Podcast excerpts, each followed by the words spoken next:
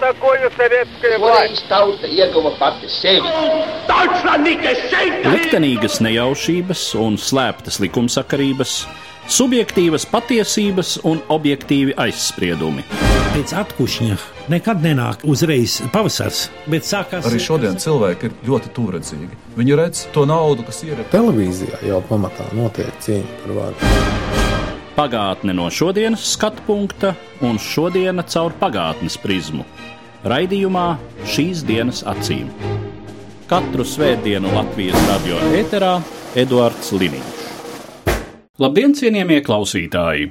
Nu jau vairākus gadus Latvijas akadēmiskās sabiedrības, bet arī plašākas publikas uzmanību mēdz piesaistīt Latvijas gada vēsturnieka titula piešķiršana.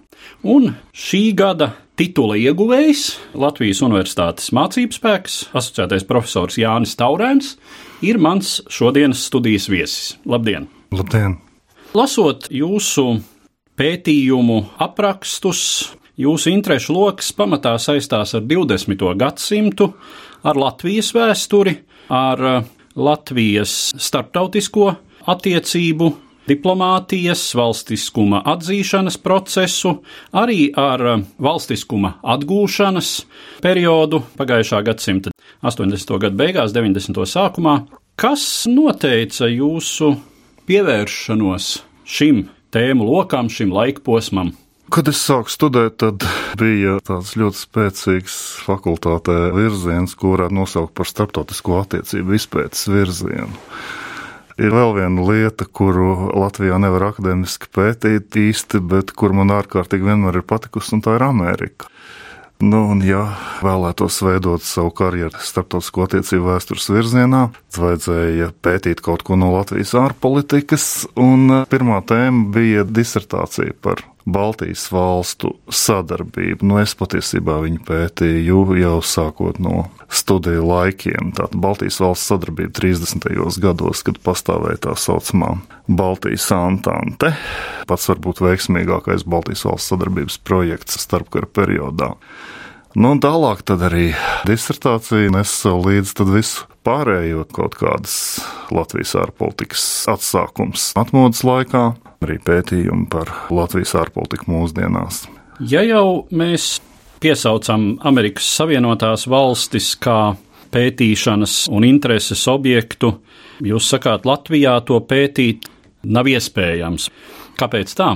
Tagad, protams, veiksmīgi to varētu darīt, bet tā lielākā problēma ir, protams, ka Ameriku pēta pašā Amerikā milzīgos apjomos. Un Latvijā jau droši vien būtu jākoncentrējās uz mūsu pašu valsts vēstures izpēti, kam arī būtu tad tā saucamā novitāte vislielākā un arī vislielākais lasītāju lokus. Bet no Amerika, protams, ir svarīga un akadēmiskā kursa lasīšanas līmenī viņai ir jāpievērš uzmanība. Mēs tādā populāras vēstures izpratnes līmenī saprotam, ko nozīmē Amerika, ko tā ir nozīmējusi Eiropai, sevišķi pēdējā gadsimta laikā. Nu, es domāju, ka jebkuram ir savs viedoklis par Ameriku.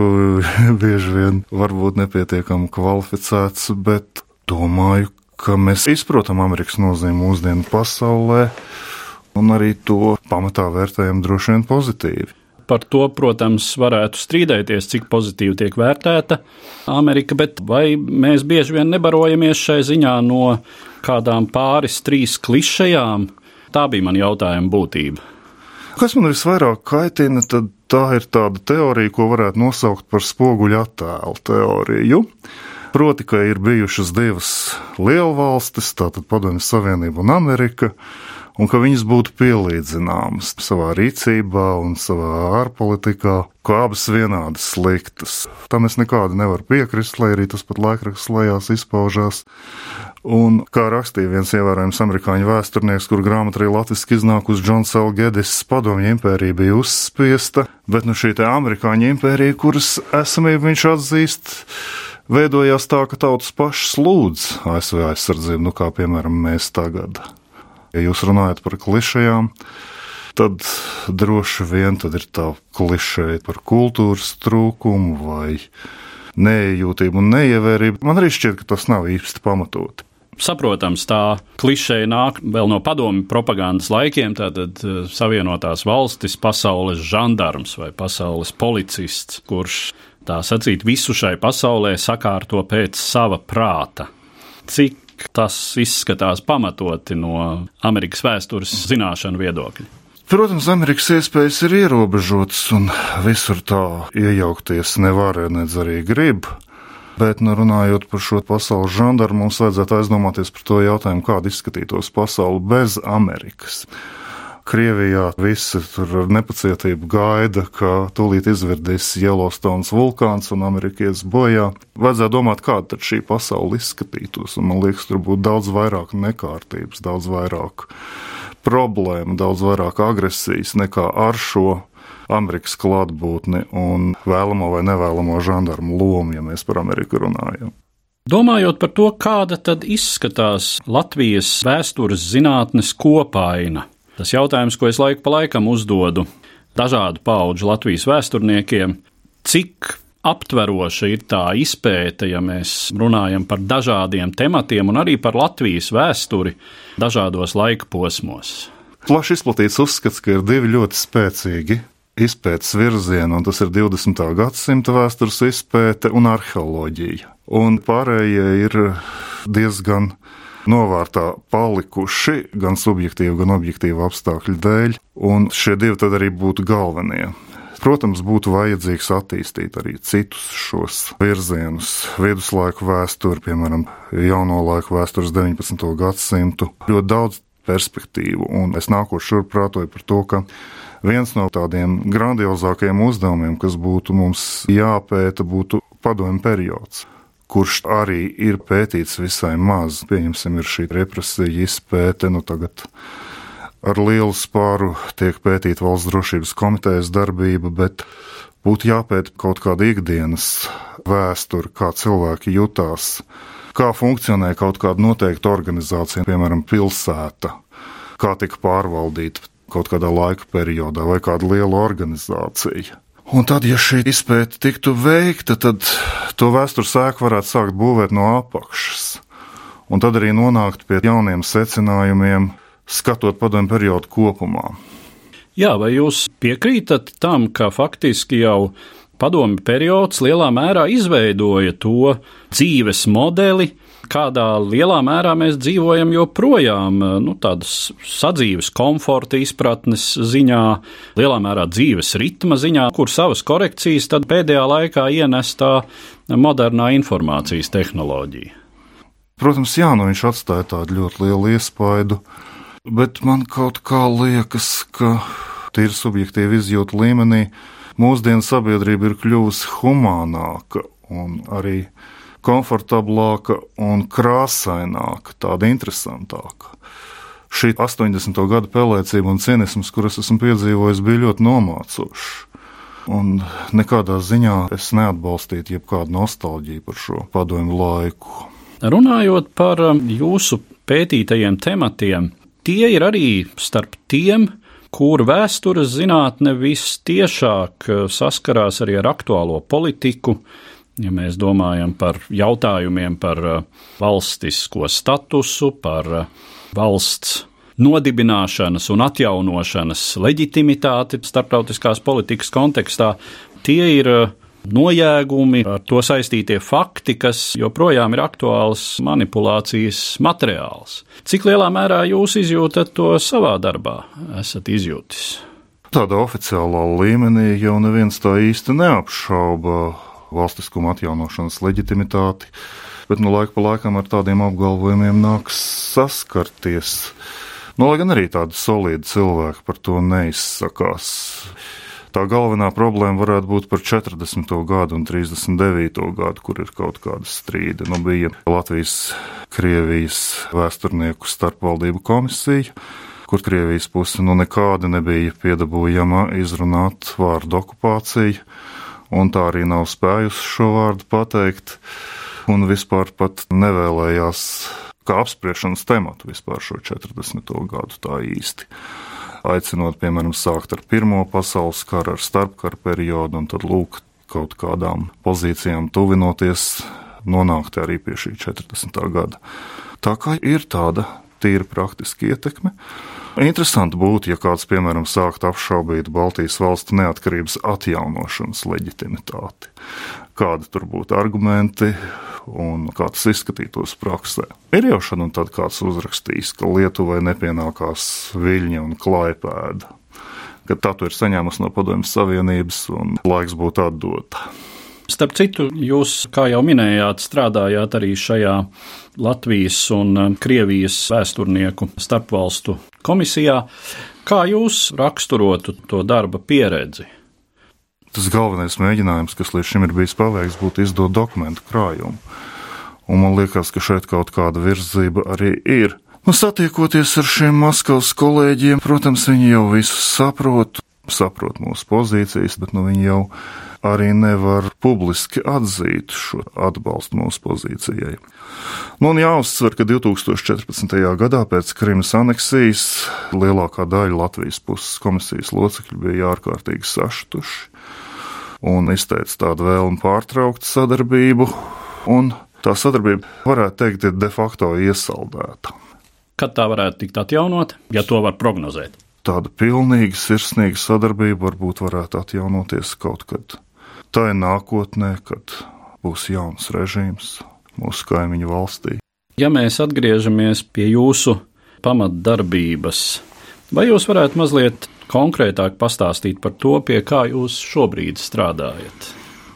Pabeidzām kopā ar biedru grupu darbu pie grāmatas 15. maija Latvija, kas varētu iznākt Latvijas avīzes apgādā.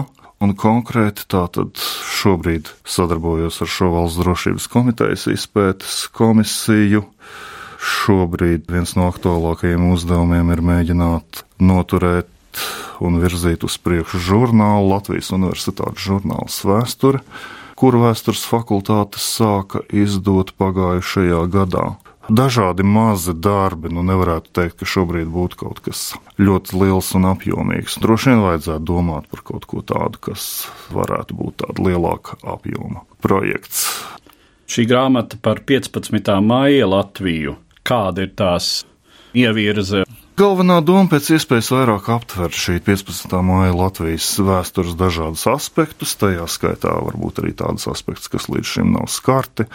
Nu, Manā ļoti godājumā kursa biedrene doktora Ineta Lipša turpēta jautājumu par sabiedrisko morāli un likumību. Kā mēs zinām, viņa ir monogrāfija par šo jautājumu. Taču tajā pašā laikā arī šie politiskie aspekti, kā būtu vērtējams Kārļa Ulmaņa režīms, kā tas praktiski darbojās, kāda bija nacionālā politika. Tad viens no tādiem aspektiem, nu, ļoti daudz jau ir rakstīts skatīties uz to, kā viņš ir līdz šim vēstures literatūrā aplūkots. Par šo Kārļa Ulmaņa režīmu, piemēram, viens no svarīgākajiem jautājumiem, kas daudzus gadus tiek skatīts, ir jautājums par tā piederību. Padomju laikā tika pasludināts, ka tas bija fašistisks. Nu, jau 90.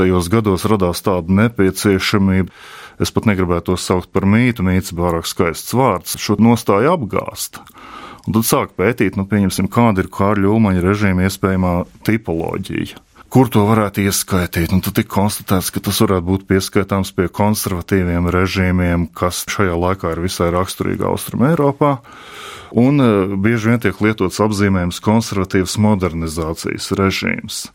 Tie galvenie strīdi varētu būt par to, kā šeit bija vairāk, labā vai ļaunā vai vienā svaru kausā būtu valsts apvērsums, otrā svaru kausā tas ļoti daudzais neapšaubām labais, kas tika paveikts. Nu, nevar jau uzspiest lasītājiem savu viedokli, un droši vien arī šajā gadījumā, tāpat kā daudzos citos, katram pašam būtu jāvērtē. Cik joprojām eh, Kārļa Ulmaņa un viņa 15. maija Latvijas mīts, šis tēls ir eh, iedarbīgs mūsdienu sabiedrības apziņā un politikā līdz ar to? Nu, es domāju, ka tas ir ārkārtīgi ietekmīgs. Profesors Strāngreiz ir norādījis, ka viens no tiem cēloņiem ir, ka Ulmaņa režīmu tauta salīdzina ar to, kas nāca pēc tam. Nu, ja no vienas puses tāds relatīvi maigs autoritārs režīms, un pēc tam karš un totalitārisms ar visām tā šausmām, nu, saprotams, ka cilvēki šo pirmo un tātad mūsu pašu režīmu uztver labvēlīgi. Kas nu varbūt nebūtu atbalstāms, īpašas akcijas autoritārismu slavināšanā vai īpašā atzīmēšanā. lūk, tas varbūt nebūtu īsti kultivējams. Bet no šo kā ļaumaņa režīmu arī vajag tā objektīvi skatīties un pakāpeniski veikt tādu tīri pragmatisku analīzi par to, kas tiešām notika, kā tas funkcionēja. Un laika gaitā ejot, viss nostāsies savā vietā. Gan pārspīlēta kritika, gan pārspīlēta slavināšana aizies pagātnē. Man jāsaka, es savā laikā esmu arī varbūt mazliet um, riskanti spekulējis ar tēzi, ka interese un patika pret um, Kārļa Ulmaņa režīmu zināmā mērā varētu izrietēt no tā, ka joprojām lielu daļu Latvijas sabiedrības veido paudze, kas vēl diezgan labi atceras Brežņeva laikus, kas arī bija samtainas diktatūras periods, un uh, tie varas un sabiedrības attiecību modeļi bija salīdzināmi vienā un otrā gadījumā, un daudziem nu, tas ir jaunības laiks, jaunības laiks, kas ir skaists, tāpēc, ka tā ir jaunība, kaut arī tā ir ar pionieru kaklautu vai komjauniešu nozīmīti. Nu, es jau pirmie izteicos, ka cik no es atceros, tad Brežņeva laiks bija drūms un pelēcīgs un neinteresants un drausmīgi cīnisks. Visi taču saprata ka visas šīs bezgalīgās sapulces, kurās bija jāpiedalās, ka tur tika melots, un tas bija laiks, kad neviens vairs neticēja tai oficiālajai doktrīnai, kas bija padomju režīma pamatā. Tas bija tāds totalitārisms pirmsnāvas stadijā, un es tad neuzdrošinātos viņu salīdzināt ar Kārļa Ulmaņa laiku, jo sveša okupācijas vara un, kā jau teicu, mūsu paša režīms. Nu jā, katrā ziņā 15. maija Latvijai tomēr bija daudz vairāk iespējama pozitīva ideālisma. Nu, un, protams, arī tas, ka pats valsts kodols, tā fundamentālā vērtība, kas ir valsts, tā tomēr palika neskarta. Kaut demokrātija, kā ļoti nozīmīga sabiedrības pastāvēšanas sastāvdaļa, tā tika likvidēta. Kārļa Ulmaņa režīms ilga patiesībā tikai sešus gadus. Nu, ir dažādas versijas par to, kā tas būtu varējis turpināt evolucionēt. Izskatās, ka tajā gadījumā, ja nebūtu šī 40. gada okupācija, nu, tas, protams, ir ārkārtīgi spekulatīvs pieņēmums, tam būtu nācies kļūt tādam stingrākam. Piemēram, profesors Strānga ir pētījis, kā 40. gada pavasarī un vasarā bija plāni, piemēram, izmantot cilvēkus kā darba spēku, tātad ar skolniekus, ierēģņus likt pie darba. Bet tā bija tāda objektīva ekonomiska nepieciešamība lielā mērā, nu, lai gan nevienmēr. Nu, ko tur skolnieki daudz iesāks? Bija tāda ideja sūtīt viņus laust cēlus, ko viņi daudz ar šiem cēlumiem iesāks. Bet agri vai vēlu visi šie Eiropas autoritārie režīmi piedzīvoja tā saucamo demokratizāciju, un tad pēdējie autoritārie režīmi Eiropas rietumos izgājis ap 70. gadu vidu, tad Grieķija, Spānija, Portugāla. Nu, nav jau šaubu, ka arī šis Kārļa Umaņa režīms tātad reiz būtu pārgājis tādos normālos apstākļos, solidā demokrātijā. Cits jautājums par to, kāda vēl bija, teiksim, alternatīvas šai padomju okupācijai. Piemēram, Edgars Andersons uzskata, ka labāka alternatīva būtu bijusi ja Latvija un pārējās Baltijas valstis iegūtu tādu statusu, kāda bija Austrum Eiropas komunistiskajām valstīm, vai tādu statusu kā Somijai. No Edgars Andersons savā grāmatā Latvijas vēsturē ārpolitika nu, ir izteicis tādu ļoti garām ejošu piezīmi, ka vajadzēja varbūt Baltijas valstīm sadarboties ar Padomju Savienību jau sākot no 30. gadu vidus parādīt draudzību, un tad, piemēram, Staļins būtu atļāvis tam iegūt šo Austrumēropas komunistisko valstu statusu. To, protams, nekādu nevar pierādīt. Un nevar apstiprināt, bet tāda noskaņojuma varētu būt. Trimdas literatūra jau lielā mērā ir tapusi meklējot atbildi uz jautājumu, kā varēja glābt Latviju, vai bija kāda līdzekļa 30. gadu beigās viņu glābt. Un tie secinājumi, diemžēl, nu ir pārāk bezcerīgi jau mūsdienās nonākot pie tiem. Tam droši vien visnotaļ var piekrist. Tīri geogrāfiskā izvietojuma dēļ, es domāju, un uh, neaizsalstošo ostu pirmām kārtām klātesamība šeit, atšķirībā no pārējās Krievijas Eiropas daļas, ir tas faktors, kas noteica to, ka tajā brīdī Staļina uztverē tā bija nepieciešama padomju savienības sastāvdaļa un diez vai kā citādi. Jautājums par uh, Valsts drošības komitejas darbības izpētes darbu, kurā jūs arī piedalāties. Tātad, jūsuprāt, kāpēc process nonākot līdz tam bija tik gauss, pat jāsaka, samežģīts? Atliek tikai minēt, kas ir maisos. Tam varētu būt diezgan nopietna ietekme. Patiešām tam, kas reāli ir maisos, vai tam, ko varbūt mēs domājam, kas tur varētu būt. Nu, nu, mēs ir, kā sabiedrība kopumā šeit. Ir cilvēki, kas zina, un ir cilvēki, šos dokumentus glabā. Es pat nevaru pateikt, kādēļ tas viss tik ļoti ievilcies. Ka tad, ja piemēram 8. saimnes laikā saimta trīs reizes pieņēma lēmumu publiskot šos maisus, un trīs reizes valsts prezidenta Vairvīķa Freiberga uzlika veto, Pieņemsim, ka viņi toreiz nebūtu tā rīkojusies, šie maisi būtu atvērti, no saprotams, būtu skandāli, iespējams pat traģēdijas, tiesas prāvas un tā tālāk. Bet šobrīd jau mēs būtu nonākuši pie kaut kādas lielākas skaidrības, un uh, viss būtu jau aprimis, un uh, līdz ar to skandālu noklusuši, cilvēki pieraduši pie domas, ka varbūt elks, ko viņi visu mūžu ir pielūguši, ir kaut ko ne tā darījis, ko vajadzēja un būtu jau padomju mantojuma pārvarēšanas jomā vairāk izdarīts.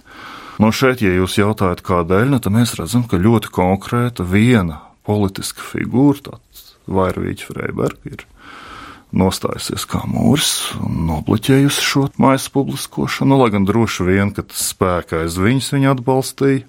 Un droši vien, ka politiķi pieņemot šo likumu atvērtu čekas maisus arī zināja, ka Vīķa Freiberga neprakstīs šādu likumu, bet varēja arī šī ziņā būt cita attīstība. Vai ir Vīķa Freiberga jau labu laiku vairs nav aktuālajā Latvijas politikā, nu un arī galu galā šobrīd es saprotu, ka maisu atvēršanai ir pašreiz kaut kādi salīdzinot ar piesaukto vairu Vīķu Freibergu, absolūti nenozīmīgi juridiski šķēršļi vai administratīvi šķēršļi. Iespēja vēsturniekiem saņemt caurlaidi, lai iekļūtu satversmes aizsardzības biroja telpās. Vai nu tā būs tiešām? Nu, jūs sakāt, ka Vairvīķa Freiberga nav vairs aktuālajā politikā, bet kaut kāda apsvēruma dēļ taču viņa tomēr vadījās, liekot trīs reizes prezidenta veto. Un es domāju, ka šie apsvērumi nekur nav pazuduši. Tā ir atbilde, ko es arī no jums sagaidīju. Droši vien līdz galam nav pirmām kārtām izrunāts tas, ko tad mēs darīsim, kad mēs tos maisus atvērsim. Kam tad būtu jānotiek tajā brīdī, kad mēs uzzinām sarakstu, vai mēs uzzinām sarakstu un komentārus par to, ko tad ir darījuši? Ka, lūk, pieņemsim, akadēmiķis X vai režisors Y ir uzrakstījis tik un tik ziņojumu, tik un tik no tiem ir par viņa ārzemju braucieniem un kontaktiem ar trimdas tautiešiem, bet tik un tik varētu būt arī par viņa kolēģiem. Pirmkārt, jau šie ziņojumi neatrodas Latvijā pārsvarā, viņi atrodas Maskavā. Bet es jau teicu, ka tad, ja tas būtu izdarīts 8. saimnes laikā, kur trīs reizes pieņēma šo likumu, tas juridiskās sekas, piemēram, varētu būt diezgan plašas. Nu, cilvēks teiktos uz tiesām ar prasību atzīt, ka viņi neko sliktu nav darījuši un ka šī kartīte neko nepierāda. Vai būtu tāds milzīgs morāls šoks sabiedrībai? Varbūt tās slavenības, kas varēja, teiksim, 80. gados sadarboties ar Valsts drošības komiteju, nu nav vairs mūsdienās tik ārkārtīgi liela morāla autoritāte. Nu, jūs teicāt, akadēmiķis X no akadēmiķim Xam varbūt ir 85 gadi jau šobrīd. Un, protams, viņam, viņa bērniem un mazbērniem tas būtu trieciens, bet nu vai sabiedrība kopumā varētu nepārdzīvot, nu, es šaubos. Es domāju, ka ir vērts atgādināt šobrīd arī klausītājiem, nu tātad populārajai auditorijai, kā tad norit šī izpēte un kā tas saistās ar šo tā saukto čekas maisu, respektīvi tā konkrētā, varbūt sensitīvā materiāla atklāšanu. Ir ārkārtīgi daudz citu materiālu, kur visiem ir brīvi pieejami. Tātad tūkstošiem kriminālu lietu, dažādas tādas organizāciju lietas, kuras ir sadarbojušās ar valsts drošības komiteju, kaut vai trimdas presi, kur daudz par to ir rakstījusi, un to visu var pētīt. Šīs konkrētās krimināla lietas, šo konkrēto organizāciju darbība, piemēram, kultūras sakaru komiteja vai, pieņemsim, intūrists. Un tas var sniegt tādu diezgan plašu ieskatu Līdz šim jau tā pētniecība vairāk bija koncentrēta tiešām uz 40. un 50. gadiem, nu tagad ir iespējams koncentrēties uz vēlāko periodu, piesaistot lielus spēkus. Varbūt jūs ievērojāt, jauns cilvēks tikko beidzis maģistratūru izpētīja tās lietas, kas bija saistītas ar Staļina nāvi. Nu, ārkārtīgi interesanti, ka cilvēki ir izteikušies neapdomīgi par Staļina nāvi, un kā tas viss ir rezultējies. Vai kādas krimināla lietas ir ierosināts par politiskiem jautājumiem kādā noteiktā periodā? Ko centrālā izlūkošanas pārvalde varētu būt mēģinājusi šeit darīt 50. un 60. gados? To visu var pētīt un rezumēt, un viens no tādiem izpētes objektiem varētu būt arī pati mūsu sabiedrības reakcija visā šajā 25 gadu periodā. Kā ar šiem materiāliem ir strādāts, kādas ir bijušas sabiedriskās diskusijas, kādi argumenti ir izskanējuši, un kādi pretargumenti, un kāda ir bijusi dažādas lāņu nostāja. Nu, uz kaut kādu nākamā gada vidu tā tad ir jāizstrādā tāds plašs aptverošs ziņojums, kur acīm redzot droši vien nebūs izmantots tas galvenais, ko sabiedrība gribētu redzēt. Tas ir aģentūras kartotēkas, bet nu, būs rezumētas šīs pārējais, nu, jau ļoti apjomīgais darbs. Vērojot presē un um, aprindu kronikā pavīdošos materiālus par uh, gada vēsturnieka titula piešķiršanu, tad tur var redzēt, ka Allaž iepriekšējais titula īpašnieks, tad nu sveic nākamo. Šķiet, ka jums roku spieda Harijs Tumans. Jā. Visnotaļ man interesants un ļoti vērtīgs sarunbiedrs šeit Latvijas radio vairākas reizes. Kuru jūs no saviem kolēģiem vēlētos nākamgad sveikt kā gada vēsturnieku? To jau tauta izlems, tur varētu viņš arī vairs nebūt no vēstures un filozofijas fakultātes.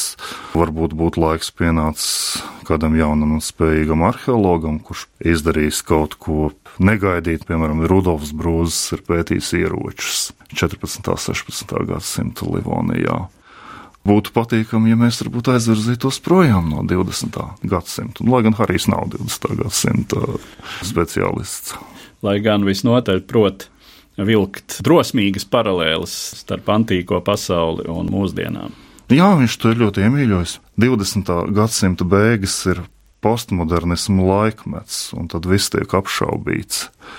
Un tajā skaitā arī diezgan plaši ir izplatīts tāds uzskats, ka jebkādas ļoti lielas teorijas nav pierādāmas. Vai nu tas būtu Špenglera teorija par kultūru un civilizāciju cikliem, vai pieņemsim Marksa teorija par šķiru cīņu, kas gala rezultātā ved pie komunismu uzvaras. Pieņemsim, ka ir bijis tā, ka daudzas reizes ir civilizācija radusies, uzplaukusi un norietējusi Bet jautājums ir, vai tā vienmēr jābūt? Ja pieņemsim, 20 civilizācijas ir tā darbojušās, vai tas nozīmē obligāti, ka mūsu civilizācijai arī tā ir jābeidz? Varbūt tā ir unikāla. Varbūt nav pareiza visa šī ciklu teorija, kas ir šo pieņēmumu pamatā. Varbūt, cilvēks vēsture attīstās kā līnija kaut kāda progresa virzienā. Un arī vajadzētu atcerēties, ka visi šie cikli vai līnijas Tas viss ir metāfora. Kā rakstījis Iesai Berlīns, ka cilvēki runā par vēstures spēkiem, par kaut kādiem procesiem, nu vajadzētu atcerēties, ka patiesībā jau nav tādu vēstures spēku. Tas viss ir tādi apzīmējumi, kur mēs atrodam savā valodā, lai kaut kā ieviestu skaidrību šai vispārējai ainām. Rezumējot mūsu sarunu, un varbūt vēlreiz atgriežoties pie kaut kā, kas jau tajā ir izskanējis, ko jūs novēlētu Latvijas vēstures zinātnē kopumā? Nu, man jau liekas, ka pašreizējā attīstības virziena ir pareizi. Vajadzētu turpināt šo integrāciju pasaules, Eiropas vēstures kontekstā. Vajadzētu pievērsties jauniem izpētes laukiem, šim ļoti perspektīvajam padomju periodam. Vajadzētu varbūt daudzveidību lielāku, lai būtu vairāk jaunu vēstures izpētes centru. Tādi jau parādās. Muzeji ir ļoti spēcīgi jau vēstures izpētes centri. Nacionālā bibliotēka. Vajadzētu, piemēram, lai cilvēks, kas iegūst vēstures maģistra grādu, reāli arī varētu nopelnīt ar šo maģistra grādu un pētniecību. Ar to tad es arī gribētu noslēgt mūsu šodienas sarunu un uh, saku paldies manam sarunbiedram, gada vēsturnieka titulu ieguvējam, Latvijas Universitātes asociētajam profesoram Jānim Taurēnam. Katru svētdienu Latvijas radio viens par pagātni sarunājas Eduards Līniju.